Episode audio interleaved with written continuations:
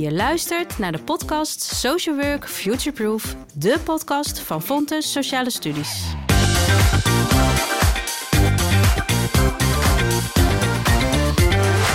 Welkom bij deze aflevering over inclusieve waardecreatie. Ik ben Dana Veringa en vandaag ga ik in gesprek met Saskia van Overbeek. Welkom Saskia. Dankjewel Dana. Je hebt een heel erg interessant onderzoek uitgevoerd de afgelopen periode. Maar voordat we daarover in gesprek gaan, um, er is heel veel gaande uh, op het gebied van de economie. Ja, dat klopt. Geen kleine veranderingen, maar echt een hele grote beweging die zich al een periode geleden heeft ingezet en steeds concreter begint te worden. Zou je ons mee kunnen nemen in welke beweging er eigenlijk op gang is gekomen? Ja, natuurlijk. Kijk, eigenlijk uh, bevinden we ons al jarenlang, uh, al decennia lang, in een kapitalistisch systeem. Hè? Dus eigenlijk uh, heeft de nadruk altijd heel erg gelegen op het maximaliseren van winst. terwijl eigenlijk economie ook een, een, een, nou, is eigenlijk een sociale wetenschap. Dus het is eigenlijk een heel onlogische uh, manier van handelen, alleen die nadruk leggen op winst. En we zien doordat dat is gebeurd en doordat er steeds meer producten in de wereld zijn gekomen, we steeds meer consumeren, dat dat een hele grote uh, druk heeft gelegd op uh, onder andere het milieu, ook op het welzijn van mensen. in negatieve zin. Dus ehm, beetje bij beetje zijn we ons gaan realiseren dat uh, deze uh, manier van economiebedrijven niet houdbaar is. En zijn we aan het uh, schuiven richting een meer welzijnsgerichte economie, waarbij veel meer ook gekeken wordt naar de mens, naar de sociale aspecten en naar het milieu. En dat allemaal ook echt met het oog op toekomstige generaties, aan wie wij natuurlijk straks alles gaan nalaten, hè, zodat zij ook een nou ja, onder andere een leefbare planeet hebben en in welvaart, zowel in sociaal als economisch opzicht kunnen leven. Uh, een mooi voorbeeld is misschien uh, de Britse econoom Kate Raworth. Zij kwam er eigenlijk tijdens haar studie economie achter dat er iets niet klopte. En zij heeft aan de hand daarvan uh, een soort nieuw economisch systeem ontworpen. Wat um, in 2017 kwam haar boek uit, maar wat sindsdien wereldwijd ook echt wel als een voorbeeld gezien ja. wordt. Ja. Zij stelt de rechten van de mens centraal. Dat is waar de focus op moet liggen. Aan die rechten moeten wij voldoen. En dat moet allemaal plaatsvinden binnen een ecologisch plafond. En dat wil zeggen uh, binnen dat wat de aarde, fysiek eigenlijk zeg maar, wat Ja, de aarde qua ja. milieu aan kan. Nou, en daar tussenin hè, eh, heb je dan nog ruimte om je economie uh, vorm te geven. Maar op die manier ga je wel automatisch hou je dan dus rekening met zowel mens als met uh, milieu, waardoor je uiteindelijk een veel betere balans krijgt tussen mens, milieu en welvaart. Ja, ja. En ik hoor jou eigenlijk ook zeggen dat uh, de focus aan het verschuiven is van een oriëntatie op cash genereren naar waarde creëren. Ja, inderdaad. Zo zou je dat uh, kunnen uitdrukken. Uh, cash is natuurlijk iets ja, waar heel weinig, behalve echt de, de financiële waarde, zit daar geen uh, uh, andere waarde in die bijvoorbeeld inderdaad mensgericht is of die ten goede komt van ons welzijn op een andere manier. Dus je zou kunnen zeggen dat er meer waarde inderdaad gehecht wordt aan de focus op de mens. En dat kan zich uiten in aannamebeleid van bedrijven, maar ook door burgers meer inspraak te geven, omdat uh, de manier waarop de economie georganiseerd is, uh, ja, een effect heeft op ieders dagelijks leven. Dus uh, zeker, daar wordt steeds meer de nadruk op gelegd. Ja, ja. ja.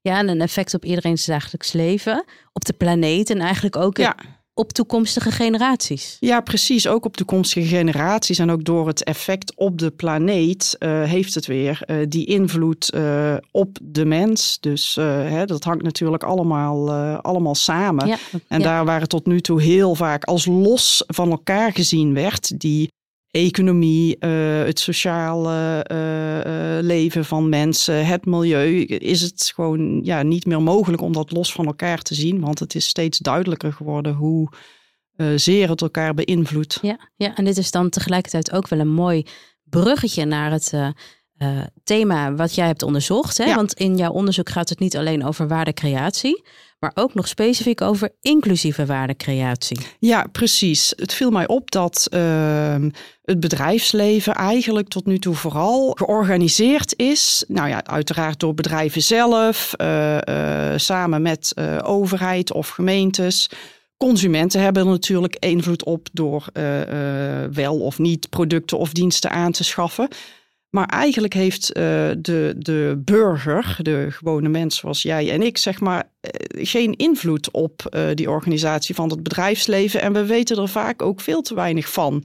Je weet wel dat er bedrijven zijn op bepaalde plekken, maar je hebt eigenlijk geen inspraak. En we zien tegelijkertijd zien wij ook wel een beweging en iets meer in andere Europese landen om ons heen dan in Nederland nog dat er steeds meer gebruik wordt gemaakt van uh, burgerinspraak, van burgerraden.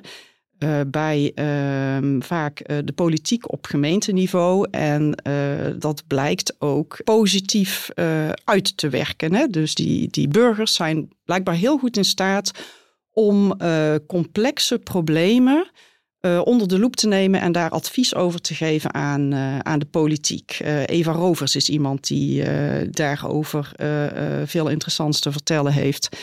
Nou, en zoiets dergelijks zou ik me ook voor kunnen stellen dat dat voor het bedrijfsleven gebeurt. En naar aanleiding daarvan is vorig jaar een onderzoek uitgevoerd. dat hebben we vooral gedaan in de, de Midpoint-regio, de regio rondom Tilburg. Uh, in de textielindustrie. En de textielindustrie is bij uitstek een industrie die voor heel veel vervuiling zorgt wereldwijd, waar ook veel sociale misstanden zijn.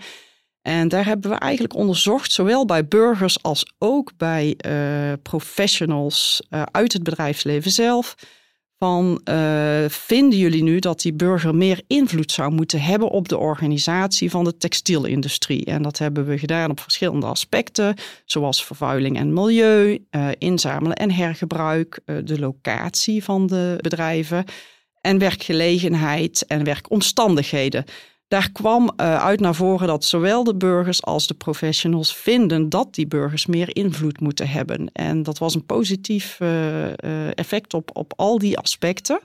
En wat daarbij heel opvallend was, was dat de professionals die toen zijn bevraagd, dat nog sterker vonden dan de burgers zelf. Ja, en zou je daarmee kunnen zeggen, het gegeven dat er een, dat er een maakindustrie gevestigd is, um, is van invloed op de inwoners die daar omheen wonen. Dus eigenlijk om uh, de maakindustrie heen. Um, en andersom ook. De inwoners hebben ook invloed op de maakindustrie zelf. En op het moment dat je vraagt aan beide perspectieven. Uh, herken je die invloed en zou je ook eigenlijk de invloed willen hebben? Dan is op de eerste vraag het antwoord ja.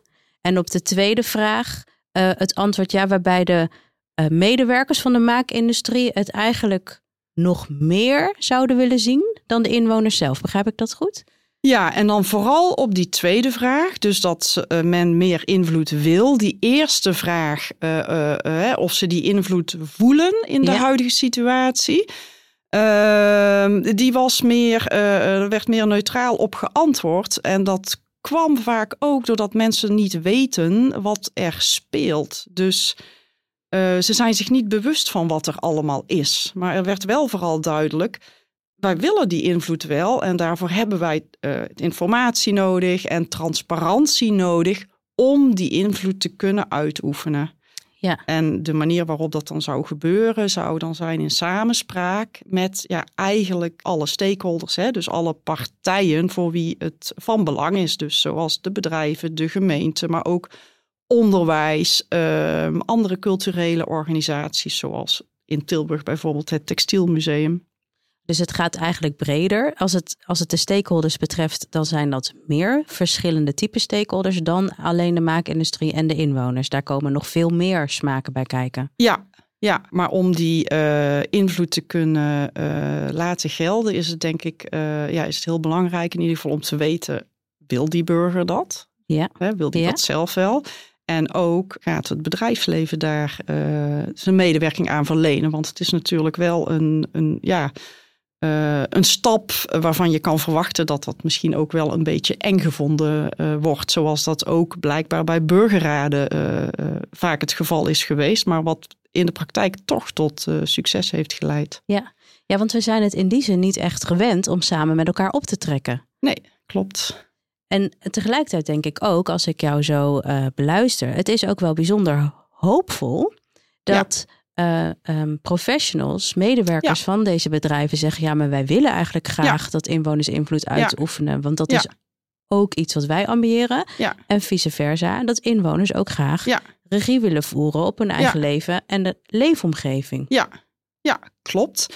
En ik moet daarbij opmerken dat eh, de mensen die ik gesproken heb, is natuurlijk een deel van het publiek. Hè. Dat is niet uh, de hele uh, burgerbevolking van uh, de omgeving Tilburg in, in de breedte. Ja. Maar ik denk wel dat die club mensen die zover zijn dat ze die stap willen maken, dat die de voorhoede kunnen vormen. En dat zij misschien wel het balletje aan het rollen kunnen krijgen. Hè? Dus met, ja. met allerlei ideeën over hoe uh, het een en ander verbeterd zal gaan worden. Ja, ja. ja. en in die zin is dit onderzoek eigenlijk ook maar de, enkel de start. Dit is enkel de start. Ja, we zijn momenteel ook al bezig met een vervolg hierop. Eigenlijk een heel concreet vervolg op uh, het aspect inzamelen en hergebruik van textiel. Dat is ook iets waarvan bleek dat burgers daar een heel goed beeld bij hebben, waarbij men eigenlijk ongevraagd zelfs met allerlei ideeën aankwam dragen. Uh, en er gaat een Europese wetgeving aankomen uh, waarbij uh, bedrijven zelf verantwoordelijk gaan worden voor al het materiaal wat ze de markt opzetten. En er komt er ook eentje specifiek voor textiel. En we zijn nu met onderzoek eigenlijk aan het voorbereiden op die wetgeving. Door weer burgers te gaan ondervragen over hoe deze, uh, dat inzamelen, hergebruik in hun omgeving geregeld is. En om ze te vragen voor concrete ideeën om het te verbeteren. Maar ook tegelijkertijd te vragen of zij een rol willen spelen als burger. Om hierover uh, met uh, bedrijven, gemeenten, et cetera, in gesprek te gaan om mee te denken over uh, de juiste oplossingen, zodat hun stem uh, gehoord wordt en hun leefomgeving naar wens van de burger ook daarop ingericht kan worden. Ja, en dan kun je ook, denk ik, als bedrijf daar het beste op aansluiten en aan die wetgeving voldoen. Ja. En daarna zullen we ook gaan kijken naar de andere uh, aspecten uit het eerste onderzoek. Maar dit is een klein vervolg wat al heel concreet van start uh, ja. gaat nu. Ja. Ja, ja, goed om te horen. En dat maakt gelijk ook heel erg nieuwsgierig. Dus bij deze alvast de uitnodiging. Op het moment dat daar meer inhoudelijk over te vertellen is, dan uh, ga ik heel graag daar opnieuw met je over in gesprek tijdens een podcastaflevering. Graag. En voor nu, we zijn aan het eind gekomen van deze aflevering, wil ik je heel hartelijk bedanken. Graag gedaan.